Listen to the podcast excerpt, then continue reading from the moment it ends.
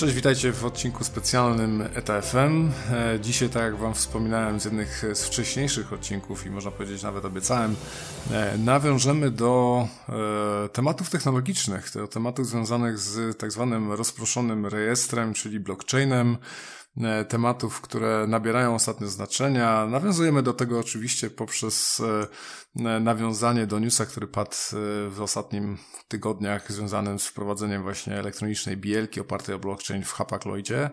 No a dzisiaj gość specjalny Justyn Czekański, który jest związany bezpośrednio właśnie z tą stroną, bym powiedział, rozwoju oprogramowania, blockchainem, który nam troszeczkę więcej opowie o samej technologii, no i troszeczkę też porozmawiamy odnośnie E, tego, gdzie ta technologia w naszej branży już ma zastosowanie, jaki jeszcze ma potencjał przed sobą, jakie są wyzwania e, i tego typu rzeczy.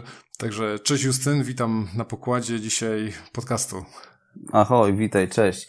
E, I witajcie też wszyscy słuchacze. Justyn, może na początek powiedz coś, coś o sobie, nie? Skąd, skąd się wywodzisz? Tak, ja, ja ba bardzo lubię mówić o sobie generalnie, więc chętnie, chętnie opowiem.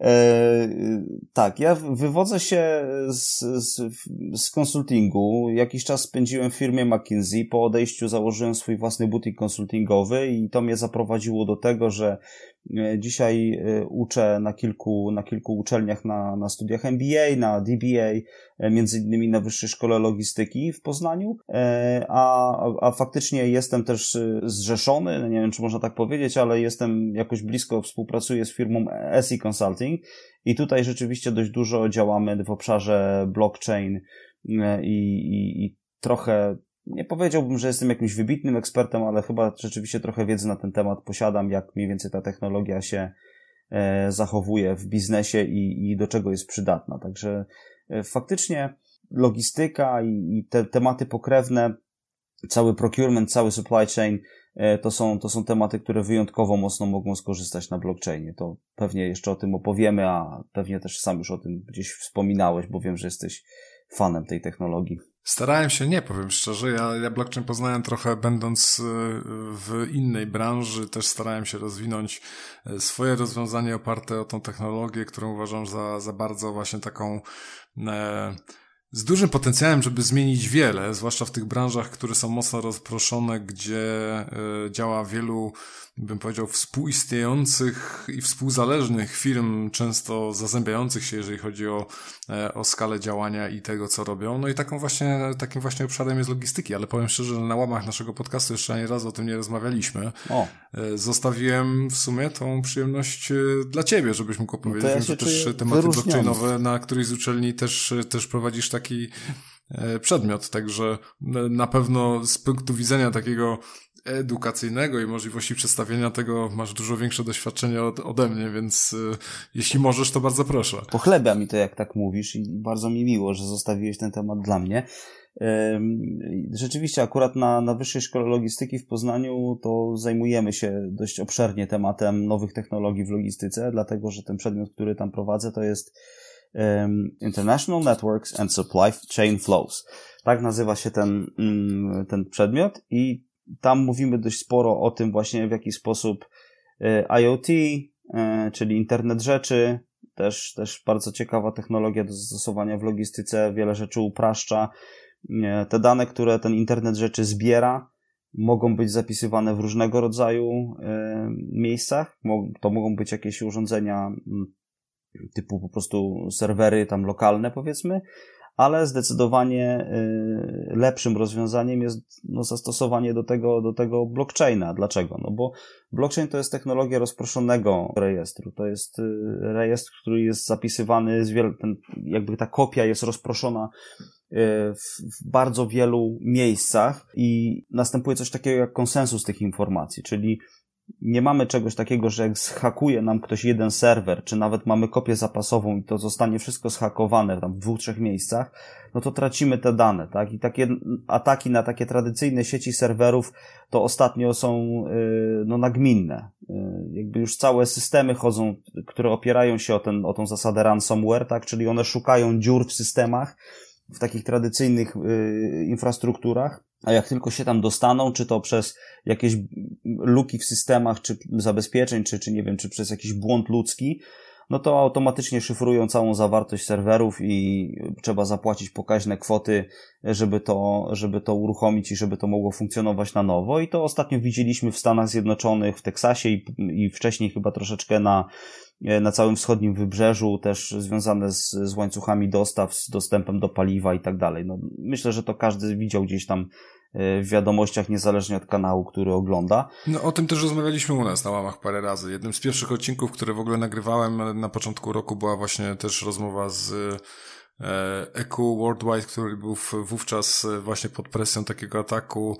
Jednym z ostatnich rzeczy z kolei, co my wspominaliśmy, to też były, był atak, e, cyberatak na e, porty w południowej Afryce. Mhm. Także widać, że, że to, to jest skala, która no praktycznie w każdym miesiącu jakaś duża firma w naszej branży jest pod taką presją i, i o tyle co parę lat temu jak Merck został zaatakowany to była to duża, e, bym powiedział, nowość dla branży i jeszcze nie wszyscy wiedzieli jak to w ogóle będzie wyglądało, o tyle w tej chwili e, dzieje się to dosyć często i firmy na szczęście też sobie pomagają wzajemnie, które już te doświadczenia mają, żeby z tej opresji wyjść.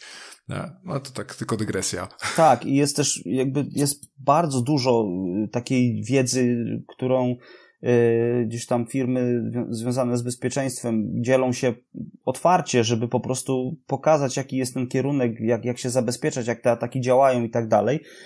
No ale jest coś takiego w psychologii, co nazywa się optimistic bias. To jest tak zwany błąd optymistyczny, czy błąd optymizmu. To polega na tym mniej więcej, że jak się zapytamy y, ludzi, o to, czy wydaje im się, że mogą za, zachorować na jakąś ciężką chorobę, albo na przykład mieć wypadek samochodowy w najbliższym czasie, to zwykle ludzie powiedzą, nie, no, niskie prawdopodobieństwo, nie?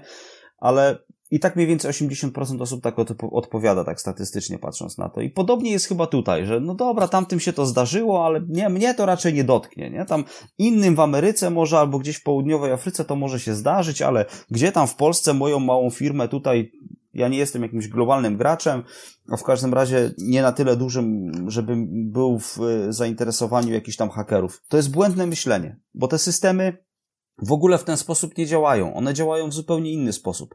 One skanują internet w dzień i w nocy, 24 godziny na dobę, 7 dni w tygodniu i szukają serwera, który jest narażony. One potrafią to zdiagnozować, wysyłają jakiś, jakiś impuls, jakiś sygnał, jakąś, jakąś paczkę danych i sprawdzają, czy po prostu to przejdzie, czy nie przejdzie. Jeżeli uda się im znaleźć lukę w systemach zabezpieczenia, to, to, to, to schakują. Oni nie patrzą, czy ty jesteś w Polsce, czy jesteś w Singapurze, czy jesteś w Chinach, czy jesteś gdziekolwiek indziej. Po prostu, jeśli masz te, te, te luki w systemach zabezpieczeń, a ten system, który penetruje cały czas internet, to znajdzie, to cię schakują i możesz być małą firmą z Pcimia, a możesz być dużą firmą z Nowego Jorku. Obojętnie. Tylko tyle, że jak jesteś dużą firmą z Nowego Jorku, to może zapłacisz te 4 miliony okupu, a jak jesteś małą firmą e, z jakiejś, z jakiejś e, powiedzmy polskiej miejscowości, to pewnie cię na to nie będzie stać i jesteś ugotowany. No to to jest taka różnica mhm. mniej więcej.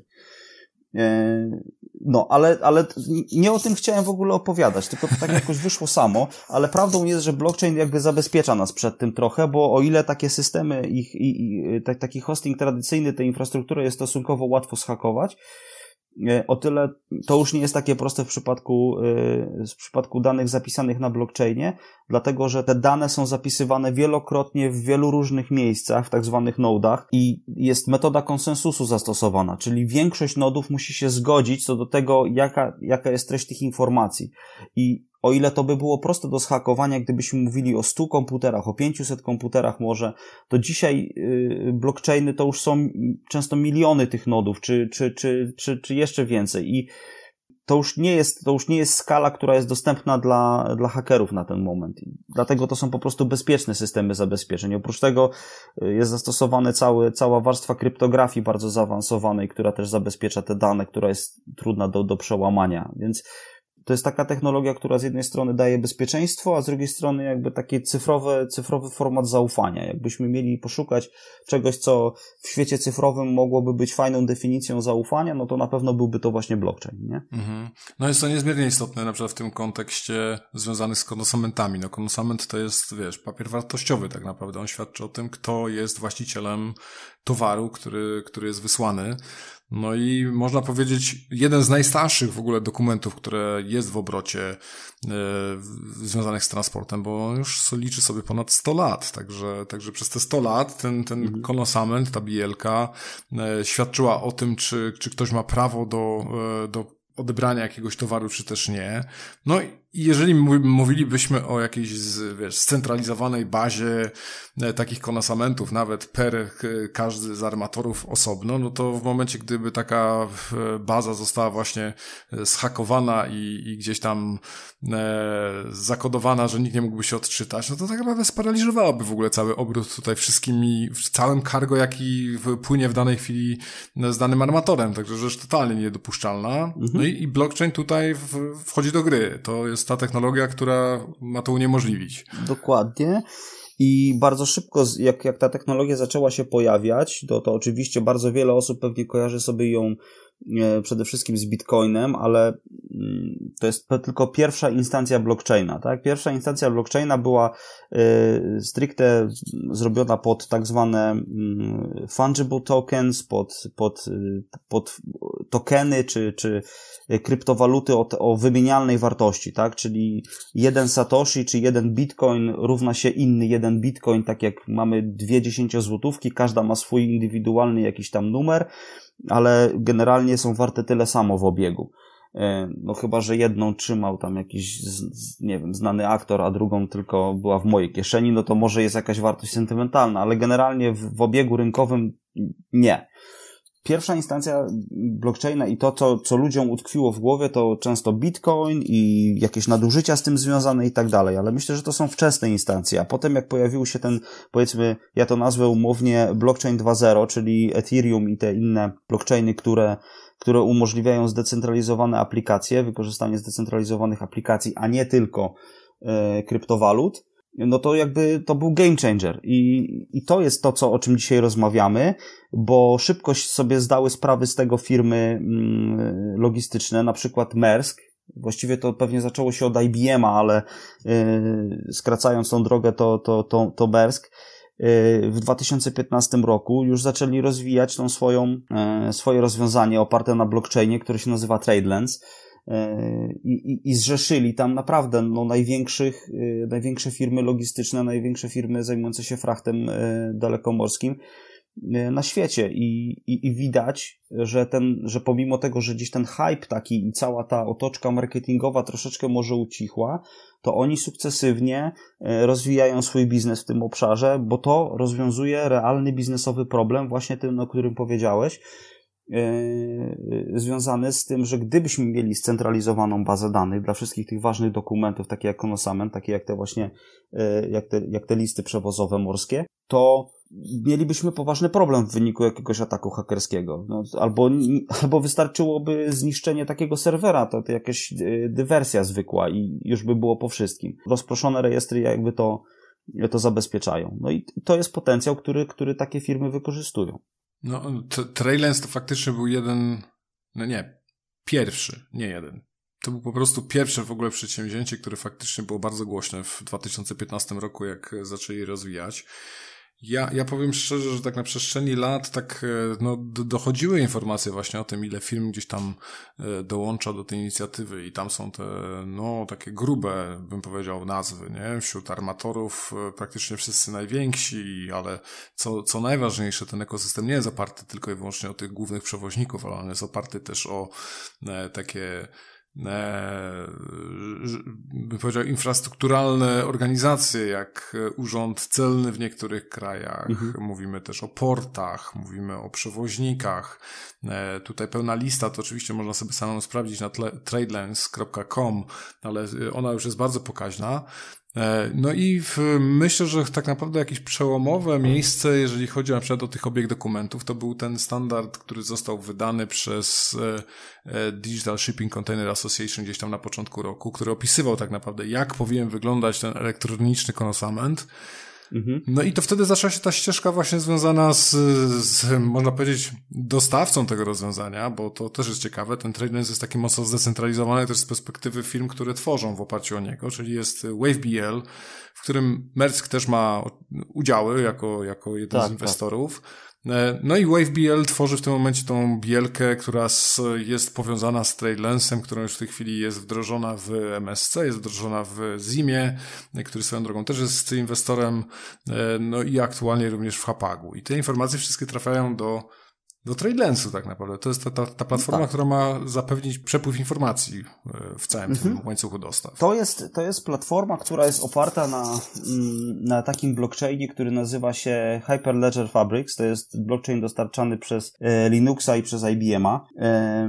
I to jest e, otwarte oprogramowanie. Nawet w Polsce można z niego skorzystać. My sami e, współpracujemy z e, Sandboxem, e, którego operatorem jest PKO BP i KIR. Przy, przybliż może to, to sformułowanie Sandbox, co, co to konkretnie oznacza. Myślę, że może nie być znane. No, Sandbox, czyli to jest taka instancja testowa, można powiedzieć, która, no tak, taka piaskownica, gdzie możemy troszeczkę, kolokwialnie mówiąc, pobawić się i zobaczyć, czy to nasze rozwiązanie rzeczywiście pozwala na jakąś szerszą adaptację biznesową tego, tak? Możemy to przetestować, zanim przeniesiemy to na tą właściwą instancję jakiegoś blockchainu, y, czyli to jest taki blockchain testowy, taki testnet można powiedzieć, tak? Tam przeprowadzimy testy, czy nasza aplikacja funkcjonuje jak należy, bo y, to, to o czym warto powiedzieć, to przy takim tradycyjnym developmencie, czyli tworzeniu oprogramowania, zapis na, na, na, na serwer jest prosty, tak? Tam możemy zapisać w zasadzie wszystko. Duże pliki, małe pliki, E, metadane, cały kod i tak dalej, i tak dalej.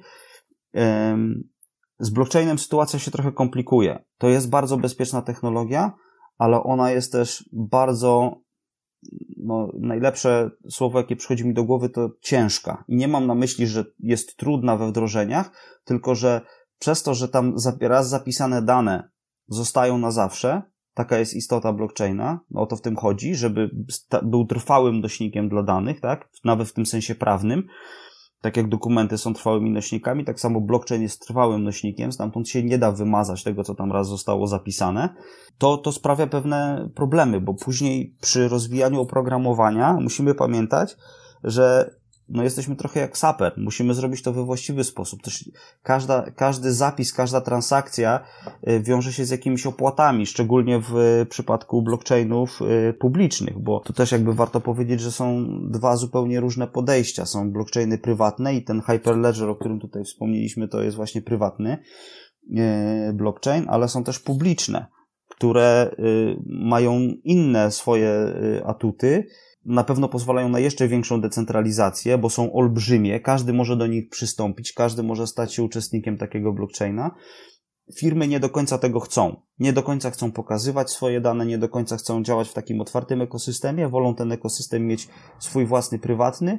No i tutaj właśnie mm, stąd, stąd potrzeba właśnie wymyślenia jakiegoś takiego blockchaina, który na tą potrzebę by odpowiadał, czy na tą, tą, na tą chęć tych, tych firm.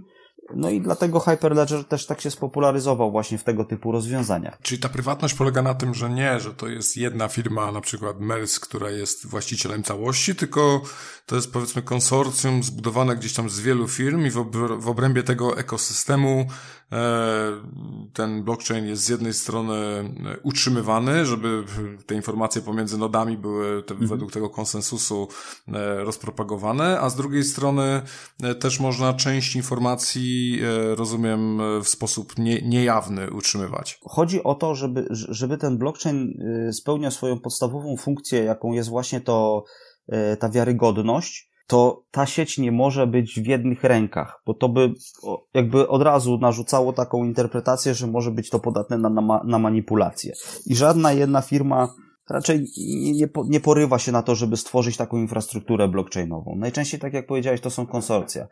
Y, stąd jak popatrzymy sobie nawet na historię tego WaveBL-a czy, czy TradeLensa, to zobaczymy, że w to były zaangażowane bardzo różne firmy na różnych etapach że był zaangażowany w to IBM, y, w konkurencyjne rozwiązanie, o którym pewnie będziemy chcieli za chwilę porozmawiać, czyli ten GSBN, Global Shipping Business Network. Tam z kolei był zaangażowany Microsoft, Oracle, Alibaba, jeden z naprawdę potężnych dostawców usług chmurowych.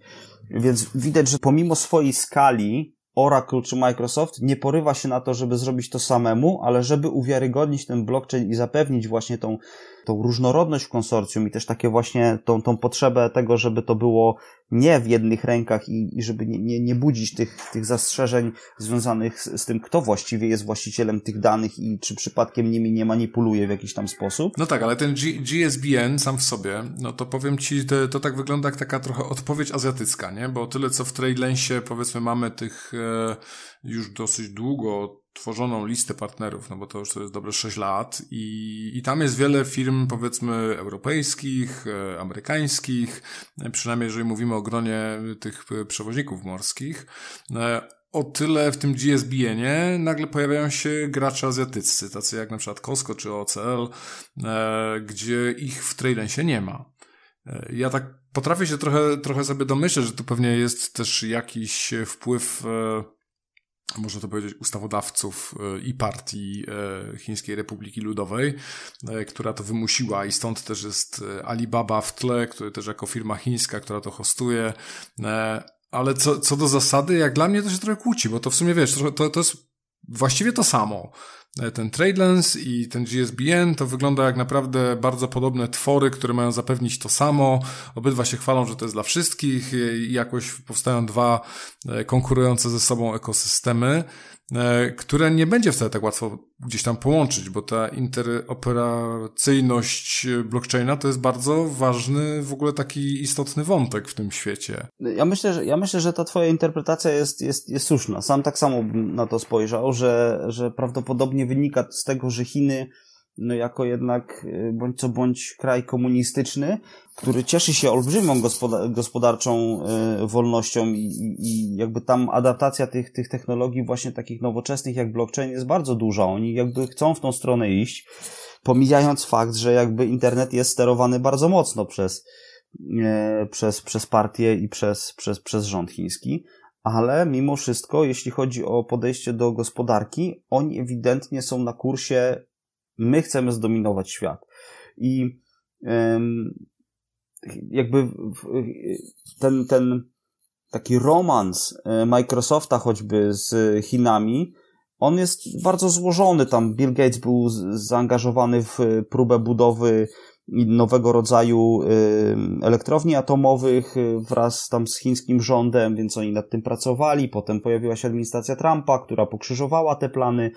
Yy, no ale teraz Trumpa już nie ma i w marcu 2021 roku ruszył z impetem teraz ten GSBN, bo po prostu wydaje mi się, że to jest potrzeba, tak? Być może jak na każdym rynku, yy, początkowo pojawiła się jakaś tam jakiś nowy pomysł i, i ten pomysł mi się bardzo podoba. Moim zdaniem TradeLens jako, jako, jako rozwiązanie jest, jest no właśnie bardzo duże. To, co wspomniałeś, że oni bardzo mieli takie, powiedziałbym, ekosystemowe podejście do tego problemu. Oni wiedzieli, że to nie jest tylko problem operatorów, tylko to jest też problem portów, to jest też problem, nie wiem, jakiegoś dalszego, dalszej części tego łańcucha dostaw, że to się nie kończy na tym, że statek dowiezie kontenery do portu, i właściwie problem rozwiązany, dlatego że często firmy logistyczne odpowiadają za, za, za większą część łańcucha dostaw, za to, żeby przełożyć to później na jakiś pociąg albo na mm, jakąś, jakiś, jakąś inną metodę transportu i dostarczyć to do kolejnego punktu przeładunkowego, do jakiegoś wielkiego magazynu, powiedzmy, i stamtąd samochodami rozwieźć to jeszcze dalej. Cała ta, e, cała to traceability jest ważne dla, dla firm, które, które korzystają z tych usług. Oni chcą wiedzieć, w jaki sposób ta droga przebiegała, tak? No, ja jakiś czas temu pisałem taki artykuł dla gazety Manager Logistyki, Logistics Manager i tam właśnie roz, rozmawialiśmy z, z redaktorem Starkowskim o tym, że jest ewidentny problem z traceability, tak? Już nawet ten przykład tych gruszek, który ja tam akurat też poruszyłem i, i który jakby nie może wyjść z mojej pamięci, które zostały zebrane w E, w, gdzieś w Argentynie czy w Peru, przebyły drogę przez ocean do e, Tajlandii. E, w Tajlandii zostały przepakowane do, do słoików, a potem wróciły przez ocean do San Francisco czy, czy do jakiegoś innego portu tutaj po, po zachodniej stronie Stanów Zjednoczonych, żeby być położone na półki. Mówimy o produkcie tanim, o produkcie, o, o, o, o produkcie, który kosztuje pewnie w okolicach jednego dolara, może dwóch, logiczne jest, że pewnie większą część tej ceny stanowi koszt tego, tego frachtu w jedną i w drugą stronę, co się wydaje być absurdalne i być może gdyby ktoś miał dobre narzędzia do tego, no nie wiem z czego to wynika, być może taka y, obsługa takiego produktu w Tajlandii jest tak tania, że opłaca się to tam przewozić. No, ale koszty tego transportu dalekomorskiego rosną i tutaj jakby jest też wiele składowych. No, zwłaszcza w tej chwili. Pamiętam, że kiedy prowadziłem te zajęcia na WSL-u, rozmawialiśmy troszeczkę o tym, to, to, to, to ci moi mm, słuchacze strasznie narzekali na to, że kiedyś powiedzmy przewiezienie transportu jednego kontenera z Chin y, na, na, na jakimś tam statku kosztowało w okolicach 2000 dolarów. Teraz to jest 12, 14 tysięcy dolarów. Jak się popatrzy, ile kosztowały statki y, kontenerowce, budowa takiego kontenerowca jest, jest teraz jeszcze droższa niż kiedyś. Też około dwukrotnie, to niedawno czytałem artykuł na ten temat, też dwukrotnie e, wzrosły te stawki. Oprócz tego widzimy problemy, na przykład kanał Suezki ostatnio, pewnie też o tym tutaj rozmawialiście, bo to nie dało się tego przeoczyć. Żeby to raz. No. Więc jest wiele problemów y, i, i związanych z traceability, i z obiegiem dokumentów, i z jakąś taką y, zwinnością, która, no, zwinność to jest termin, który, który my słyszymy ciągle, i, I on dotyka każdej branży, logistyki też. Chcemy być zwinni, chcemy szybko potrafić reagować, a jeżeli jakiś transport płynie kilka tygodni, no to ta zwinność jest już utrudniona choćby przez to. Gdzie jeszcze cała ta dodatkowa administracja, e, cała ta papierologia i tak dalej. Technologia jest, jest rzeczywiście w stanie rozwiązać te problemy. I stąd takie firmy jak Maersk, które jest no, olbrzymią firmą i, i, i widzą e, e, zyski, które z tego płyną, bo dla nich to się przekłada na konkretne oszczędności. To konkretne oszczędności w braku opóźnień, w załatwieniu formalności z urzędem celnym na czas, w załatwieniu listów przewozowych i tak dalej, i tak dalej. To wszystko może się odbywać w jednym miejscu, może się odbywać w sposób bezpieczny, zdecentralizowany, więc też jakby tak zapisany w taki sposób, e, który, który pozwala na wiarygodność lepszą. No, czego chcieć więcej? To jest ewidentnie to, czego oni szukali i w końcu, w końcu technologia jakby nadążyła za tą potrzebą. Wiesz co, no, sam konosament to jest e, niewiarygodnie e, duże pole do oszczędności, nie? I to tak naprawdę dla wszystkich e, aktorów tutaj tego procesu, bo z jednej strony mówimy o wysyłkach tego papieru, który wciąż krąży po świecie przy okazji kurierów. To oczywiście firmy kurierskie na tym zarabiają, no ale mamy przy tym emisję CO2, jeszcze tego najgorszego, bo to często jest poczta lotnicza, więc e, niedobry dla środowiska. Do tego dochodzi jeszcze problem, który często w ogóle nie jest brany pod uwagę, bo w przypadku, gdy na przykład taki konosament się gdzieś zagubi, E, ja miałem w, swoim doświadczeniu e, zawodowym takich kilka sytuacji, że taki konosament się zagubił i to wielu importerów, e, dopóki nie, nie doświadczy tego, to tak naprawdę nie do końca zdaje sobie sprawę, z czym to się wiąże. Ale mówimy tutaj tak naprawdę o kilkuletniej gwarancji bankowej, którą trzeba wykupić jako importer, żeby jakby wykupić, dać w zastaw taki, taki, taki gwarant, gdyby jednak ten konosament się znalazł w rękach czyichś innych i byłaby byłyby roszczenia, że, że to tamta osoba, jest, strona jest właścicielem, a towar został wydany. Także tu są jeszcze takie koszty bezpośrednie finansowe, no bo jednak tą gwarancję bankową trzeba wykupić, a w momencie, gdyby takie coś nastąpiło, no to będą dalsze, dalsze skutki, dalsze problemy. A jeżeli mówimy o tych elektronicznym przepływie, który jest bezpieczny, który jest e, e, powiedzmy uniezależniony od takiego wpływu czynników zewnętrznych, no to pozbywamy się tego. I chyba właśnie w przypadku tej publikacji Hapakloida gdzieś tam padła jakaś wartość E, że rocznie na, tak, na, na, na e, zadania związane z obsługą samych konosamentów, to tam jakieś, nie wiem, kilkanaście miliardów dolarów wydawane, nie? Żeby, żeby tak naprawdę obsłużyć to, to wszystko, co jest związane z przepływem praw własności. No bo na koniec dnia o tym właśnie mówimy. Tylko o tym, żeby pokazać, kto jest właścicielem danego towaru w którym momencie. Tak. Także nie, niewyobrażalne pieniądze w sumie. Nie? No zgadza się, zgadza się. No jest to, y, to jest, to jest tak, moim zdaniem. Mm, jest, jest duży hype na blockchain i bardzo wiele o tym się mówi. Adaptacja, jakby takie duże firmy, które mogą sobie pozwolić na zbudowanie swojego wielkiego y, rozwiązania, y, na tym korzystają. Pytanie, jak może mniejsze firmy albo jak takie lokalne firmy logistyczne powinny się na to zapatrywać, bo oczywiście istnieje taka możliwość, żeby spróbować się przyłączyć do, do TradeLensa tutaj nie ma jakichś szczególnie dużych problemów z tym, jest całe API rozpisane, tak, jak wejdziemy na stronę TradeLens zobaczymy jak to wygląda, możemy sobie zobaczyć jak wygląda sytuacja u konkurencji, wprawdzie y, póki co ta konkurencja jest no niewielka, bo, bo, bo żadna firma. Wydaje mi się, że istota tego jest taka, żeby rozwiązanie było jednak globalne. I dostępne. Tak, i dostępne, ale też, żeby było możliwie jak najwięcej graczy w to włączonych, no bo w innym razie nie ma sensu się, yy, się przyłączać do tego, tak? Ja, ja muszę mieć pewność, że tam, jeżeli ja zdecyduję się na to, żeby moje dokumenty trafiały do takiego blockchaina, żeby one były jakoś tam dostępne, no to ja chciałbym być pewny też, że tam będzie mój port, do którego płynę, że tam będzie mój urząd celny, tak, że, że, że ci uczestnicy też tam się znajdą. I teraz nie ma za bardzo małych rozwiązań, dlatego że każdy, kto chce wejść na ten rynek, zdaje sobie sprawę z tego, że to musi być olbrzymi ekosystem i musimy mieć potencjał, żeby ten ekosystem ujarzmić i żeby go jakoś y, odzwierciedlić w tym cyfrowym, y, w cyfrowym y, świecie. I to jest jakby wyzwanie, myślę.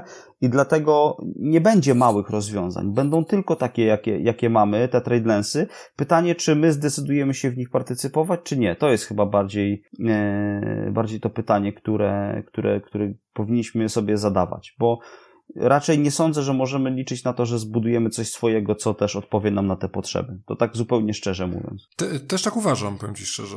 Ja jestem tylko ciekaw, jak ten e, nawet Trailens będzie rósł e, poza te ramy, które już w tej chwili zostały nakreślone, nie? Czy to jeżeli pojawi się jakiś kolejny obszar, który jeszcze nie jest zagospodarowany w TradeLensie, w którym nie ma dostępnego API, żeby właśnie te przepływy móc po prostu się wpiąć już w istniejące, bo jestem jednym z wielu, nie wiem, załóżmy dostawców e, usług intermodalnych, jak, jakie będzie wtedy ich podejście? Bo jeżeli tego nie będzie, to ktoś po prostu wyjdzie z jakąś swoją inicjatywą. Ok, ja potrzebuję zagospodarować taki taki flow, no to w tym momencie mam do wyboru, że albo robię to właśnie e, coś swojego, albo próbuję to robić na, na też jakimś blockchainie, tylko może dostępnym e, w trochę prostszy sposób, jak nie wiem, Corda, mhm. czy, czy, czy może na, na tym publicznym Ethereum.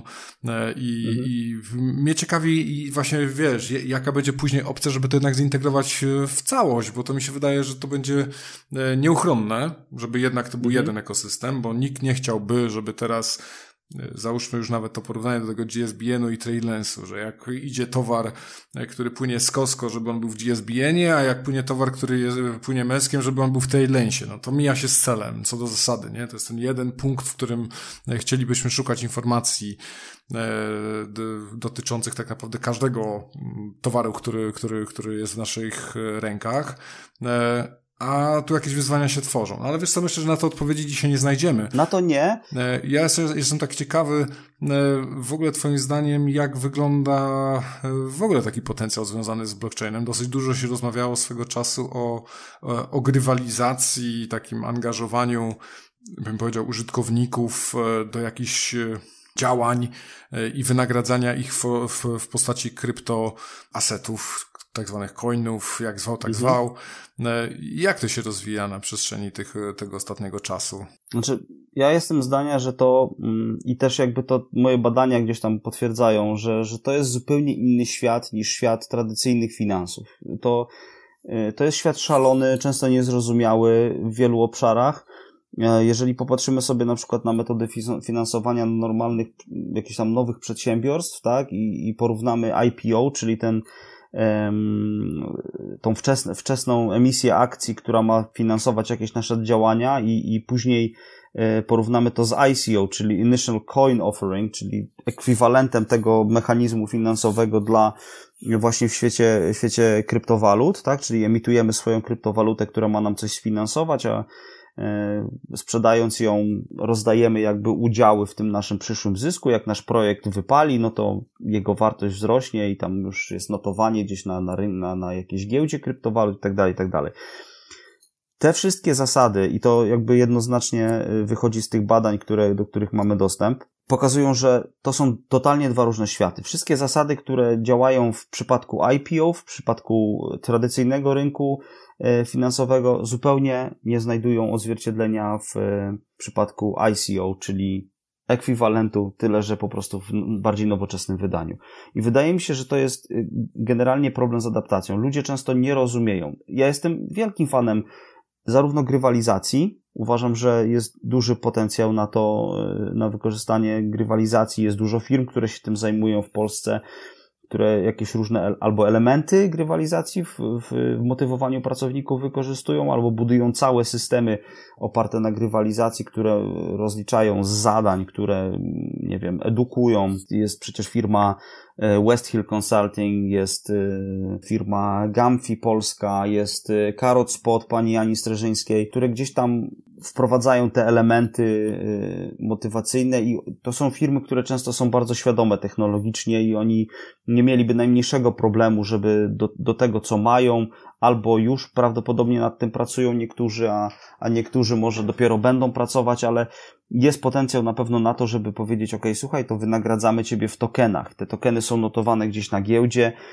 Oczywiście to jest na tyle świeże i na tyle, powiedziałbym, być może abstrakcyjne, że budzi też zastrzeżenia podatkowe, to, to, to jakby od strony prawnej jest często bardzo nieuregulowany rynek i nie wiadomo do końca, jak to traktować. Jeśli chodzi o potencjał, może jakby to trzeba rozdzielić. Jeśli chodzi o potencjał na wykorzystanie blockchaina w różnych y, sferach, od administracji przez logistykę po różne inne rzeczy, myślę, że jest ogromny.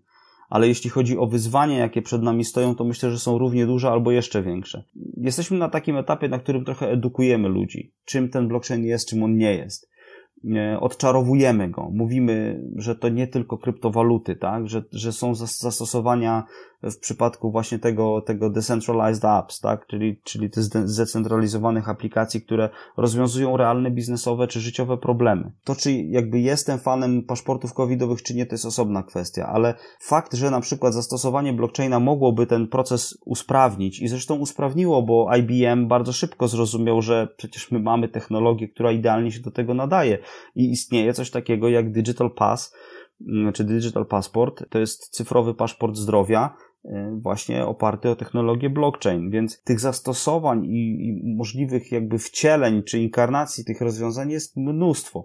Tylko w jakim kierunku my y, zmierzamy z tym wszystkim? Czy zmierzamy, bo z jednej strony na pewno uproszczenia i rozwiązania wielu realnych problemów, ale pytanie, czy też nie jednocześnie jesteśmy y, o jeden krok bliżej coraz większej inwigilacji i oddania pewnych pewnych praw, bo myślę, że niestety te dwa tory równolegle koło siebie idą często. Więc tutaj jest jeszcze duże takie pole do, do, do eksplorowania i zrozumienia. Ja na przykład y, jeden z przedmiotów, które prowadzę, to jest właśnie przedmiot y, etyka biznesu i CSR i tam dość mocno mówimy na przykład o etyce sztucznej inteligencji, bo, bo to są problemy, które, które, które przed nami stoją. Więc jeśli chodzi o potencjał, to jestem z Tobą w 100% zgodny, że on istnieje. Jest wspaniały potencjał w tych technologiach, żeby je wykorzystać, żeby świat był lepszy, żeby ludziom się lepiej pracowało, żeby byli uczciwiej wynagradzani, żeby po prostu, żeby biznes funkcjonował sprawniej, żeby świat funkcjonował sprawniej, ale jednocześnie Pytanie, w czyich rękach y, ta technologia się znajduje i jakie motywacje za tym dążą. My, my to widzimy na, na, na co dzień, tak? Przychodzą czasami klienci, którzy mówią, czy dałoby się zbudować aplikację, która by y, y, badała na przykład ruch gałek ocznych przez kamerę, żeby widzieć, co ten pracownik ogląda na firmowym laptopie. Pewnie by się dało, tylko warto by sobie zadać pytanie, dlaczego mielibyśmy coś takiego budować i czy faktycznie mam taki brak zaufania do moich pracowników. I tutaj znowu, e, jeśli chodzi o tokenizację jakąś i, i grywalizację, czy ja to robię dlatego, żeby ich zmotywować, żeby im urozmaicić dzień pracy, czy ja to robię po to, żeby ich zmanipulować i zmusić do wykonywania pracy, która jest nudna, a mi się nie chce przemyśleć, co zrobić, żeby była mniej nudna na przykład, albo Trochę wchodzimy w taką sferę filozofii, ale pytanie, pytanie, jakie mi się ciśnie na usta jest takie. Czy moim celem jest wyciśnięcie więcej z pracowników, czy moim celem jest zrozumienie, na czym polegają ich problemy i spróbowanie rozwiązania tych problemów?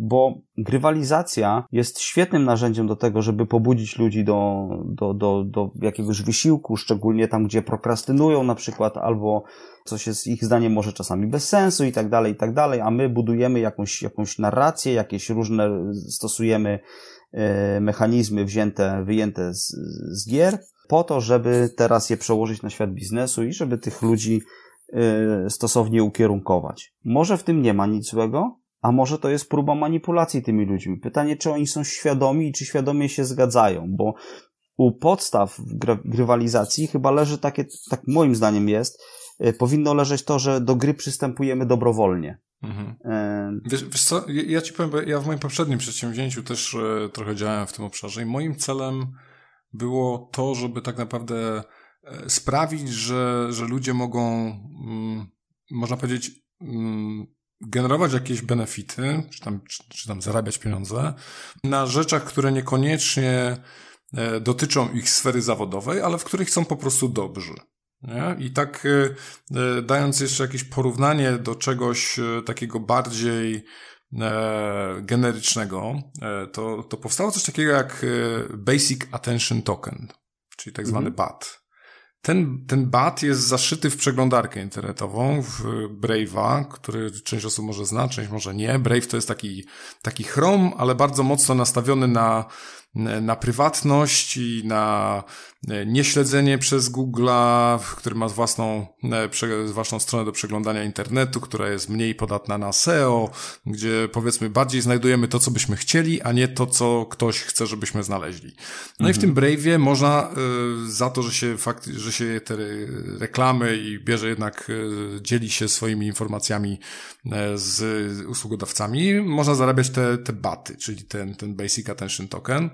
Y, które no, po kilku latach już mają swoje odzwierciedlenie, bo są normalnie notowane na, na, na giełdach e, kryptowalut, na Binance. Jednak za to, że za same oglądanie gdzieś tam internetu i działanie, e, które daje korzyść komuś, daje, jest się wynagrodzonym w postaci e, fizycznej, wiesz, waluty, którą potem można sobie wymienić na, Albo na, nią pospekulować. Na tak zwanego no, fiata, nie? Czyli ten, ten, tego dolara, złotówki czy cokolwiek innego. Tak, fiducjalną walutę twardą taką, no. Mhm. Także, także mnie, mnie, to ciekawi, nie? Bo to jest, wiesz, to jest taki, taki obszar, który daje możliwości zarabiania tak naprawdę na czymś, co nie wiem, albo się wie, albo by się i tak robiło, mhm. a jest się wynagrodzonym przez to, że, że, że generuje to jakąś wartość gdzieś. Mhm. I to jest na mnie, na, to jest na maksa w ogóle, to jest, wiesz, to jest coś, co tak. mnie zafascynowało kilka lat temu i jakoś nie odpuszcza.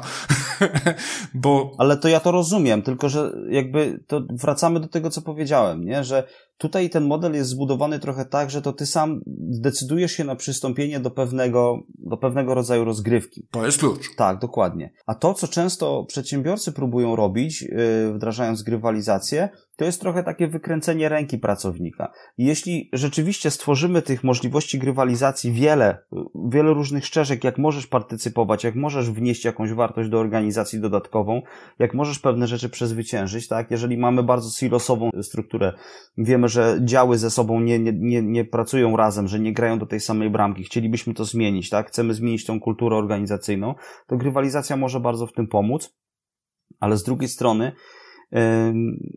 wtedy warto sobie zadać pytanie, ok, ale jesteśmy w tym miejscu z jakichś konkretnych powodów, tak? Być może to jest rodzaj zarządzania, które mamy i może y, będziemy próbowali teraz wpłynąć na pracowników, żeby gdzieś tam to pojednać, ale może warto by było jednocześnie zastanowić się, czy przypadkiem my nie zarządzamy w tym kierunku.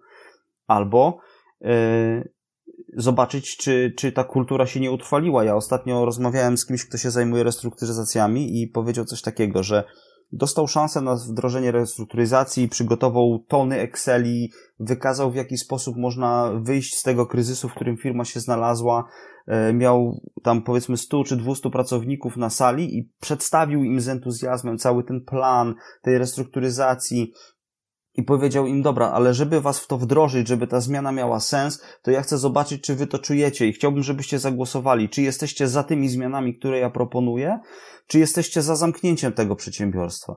I teraz chciałbyś zgadnąć, jaki był wynik tego głosowania? Boże, boję się zapytać. No słuchaj, 100% osób zagłosowała za zamknięciem przedsiębiorstwa. jeśli masz takich ludzi na pokładzie, to żadna grywalizacja tu nie pomoże. No nie. To, to rzeczywiście lepiej jest y, pójść za radą Gary'ego V, tak, tego Gary'ego Vaynerchuka i powiedzieć, no to słuchajcie, to wobec tego y, zwalniamy te osoby, które, które po prostu psują kulturę organizacji. One się tu nie nadają. Może będą nadawały się lepiej w innym miejscu. Może właśnie tutaj nie ma tej pasji, ale gdzieś indziej będzie. Może trzeba po prostu otworzyć przed nimi te drzwi i ich stąd wypchnąć. E, I to są trudne decyzje, to są trudne rozmowy. Ja sam mam za sobą i zatrudnianie pracowników, i zwalnianie pracowników. I to jest bardzo trudne. To drugie szczególnie. Tak e, ale, ale uzdrawiające często, nie? I być może zamiast grywalizacji lepiej zastanowić się nad y, operacjami chirurgicznymi, nie? No ale mówię, to łatwiej się mówi niż robi. Na pewno grywalizacja to jest tak samo jak, jak z blockchainem. Ma olbrzymi potencjał, ale znowu pytanie, w czyich rękach się znajdzie i jak będzie wykorzystywana, nie? I tak chyba jest z każdą technologią i moglibyśmy to to, to, to jest taka uniwersalna zasada, która funkcjonuje wszędzie, nie? Co, co leży u podstaw mojego, moich motywacji, dlaczego chcę tego używać.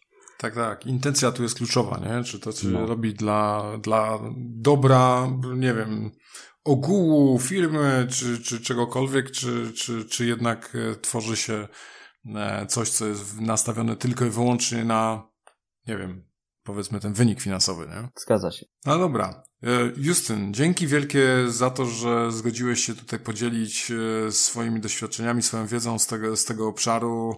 E, wierzę, że dla wielu naszych słuchaczy będzie to, można powiedzieć, zupełnie nowy obszar, bo bo jest to wiedza dosyć taka, mimo wszystko niszowa, pomimo, pomimo tego, że e, dużo się mówiło kilka lat temu e, na ten temat, to jednak jeżeli z tą technologią się nie obcuje na co dzień, to jednak się albo o niej nie pamięta, albo, albo nawet do nas nie dotarła, także na pewno będzie to takie trochę odświeżające. Ja, ja wierzę, że to nas czeka w przyszłości, aczkolwiek Wiesz, to jest tak trochę z, powiedzmy z każdym innym protokołem. To ile tam protokołów stoi za wysłaniem maila, to już nikt nie pamięta, a każdy maila wysyła, nie? Także niewykluczone, że większość osób nawet nigdy nie zobaczy, że tam jest gdzieś blockchain, bo w ogóle ich to nie będzie interesować. Chodzi o to, że coś on umożliwia, co jest, co jest wartościowe dla, mhm. e, dla tego, co robimy. No, no mówiąc zupełnie szczerze, y, to jest trochę nasze podejście od pewnego czasu. My a szczególnie właśnie moi współpracownicy, jak Bartek Bilicki, który, który jest prezesem Stowarzyszenia Blockchain Polska, bardzo długo stawialiśmy na edukację, ale ostatnio po prostu doszliśmy do wniosku, że czasami lepiej nie mówić o tych wątkach technologicznych. Po prostu zapewniamy warstwę kryptografii, jest jakiś tam rozproszony rejestr, ale nie wchodzimy w szczegóły, że chodzi konkretnie o blockchain, że jakby widzimy, że często ci ludzie, którzy do nas przychodzą jako klienci, którzy chcą jakiegoś konkretnego rozwiązania, nie potrzebują wiedzieć, że my jesteśmy entuzjastami blockchaina i że nas fascynuje akurat ta konkretnie technologia, czy jakakolwiek inna. Dla nich ważne jest znalezienie rozwiązania. A to, jak my ten problem rozwiążemy, to jest często oddzielna kwestia. Oni się zdają na naszą ekspertyzę. Dlatego my już jakby przyjęliśmy taki front, że też jakby nie, nie mówimy wprost o tych technologicznych rozwiązaniach, po prostu mówimy, że rozwiązanie jest możliwe, że, że rozwiązania są takie czy inne. E, bo, bo po prostu wydaje nam się, że tak jak idzie się do, e, do firmy technologicznej i prosi się o zbudowanie strony internetowej, to nie pytamy ich, a słuchajcie, czy wy to postawicie na WordPressie, czy to będzie na jakimś innym e, tego typu systemie, czy będziecie pisać tą stronę od początku, a jak będzie wyglądał backend, a jak frontend, a jak to, a jak tamto, bo to nie są pytania, które zadajemy. Chcemy mieć stronę internetową, kropka. A to, że tam trzeba jeszcze ileś rzeczy wiedzieć, to jest, to jest często dla takiego, yy, dla takiego nabywcy kwestia drugorzędna, albo jakaś tam trzeciorzędna nawet. I tak samo mi się wydaje jest z blockchainem potrzebujemy rozwiązać konkretne problemy, problemy, które, które, których logistyka nie umiała rozwiązać w inny sposób. Pojawiło się do tego narzędzie i tak należy na to patrzeć. To jest po prostu narzędzie, które może pozwolić rozwiązać konkretne problemy, a części składowe tego, jak to działa, nie każdy chyba musi wiedzieć, tak jak podobnie z Twoim przykładem z mailem. Nie każdy musi wiedzieć, jak to działa, żeby z tego korzystać. Tak mi się wydaje, wiesz, bo to, to, to też jest coś, czego ja się nauczyłem. Mm. Mhm. Także widzę, że mamy podobne przemyślenia do tego. Super. Chyba tak. Justyn, dzięki wielkie. Wiesz, jak się odpowiednio długo przy tym pracuje, to, to po prostu, wiesz, re, re, rzeczywistość cię wybudza z jakiegoś takiego... tak, z jakiejś fascynacji. Snu technologicznego, no. Mhm. To prawda. Wielkie dzięki za zaproszenie, Sebastian. Bardzo się cieszę, że mogłem tutaj być i bardzo się cieszę, że, yy, że mogłem o tym opowiedzieć. Mam nadzieję, że dla wszystkich słuchaczy też to będzie yy, wartościowe i że znajdą w tym coś dla siebie i że może będą chcieli ten temat zgłębić, a może stwierdzą, że chcą rozwiązać jakiś problem. Zapraszam, bardzo chętnie pomożemy. Super. Możemy nagrywać ten podcast dzięki wsparciu sponsorów największego terminala kontenerowego na Bałtyku, DCT Gdańsk oraz wiodącego kolodera morskich ładunków drobnicowych EQ Worldwide. Z kolei jeśli chciałbyś do nas dołączyć i podzielić się swoją wiedzą, pisz do nas na sepmałpa.eta.fm lub po prostu nagraj czym chcesz się podzielić na anchor.fm łamane przez eta.fm. Link oczywiście będzie w opisie odcinka.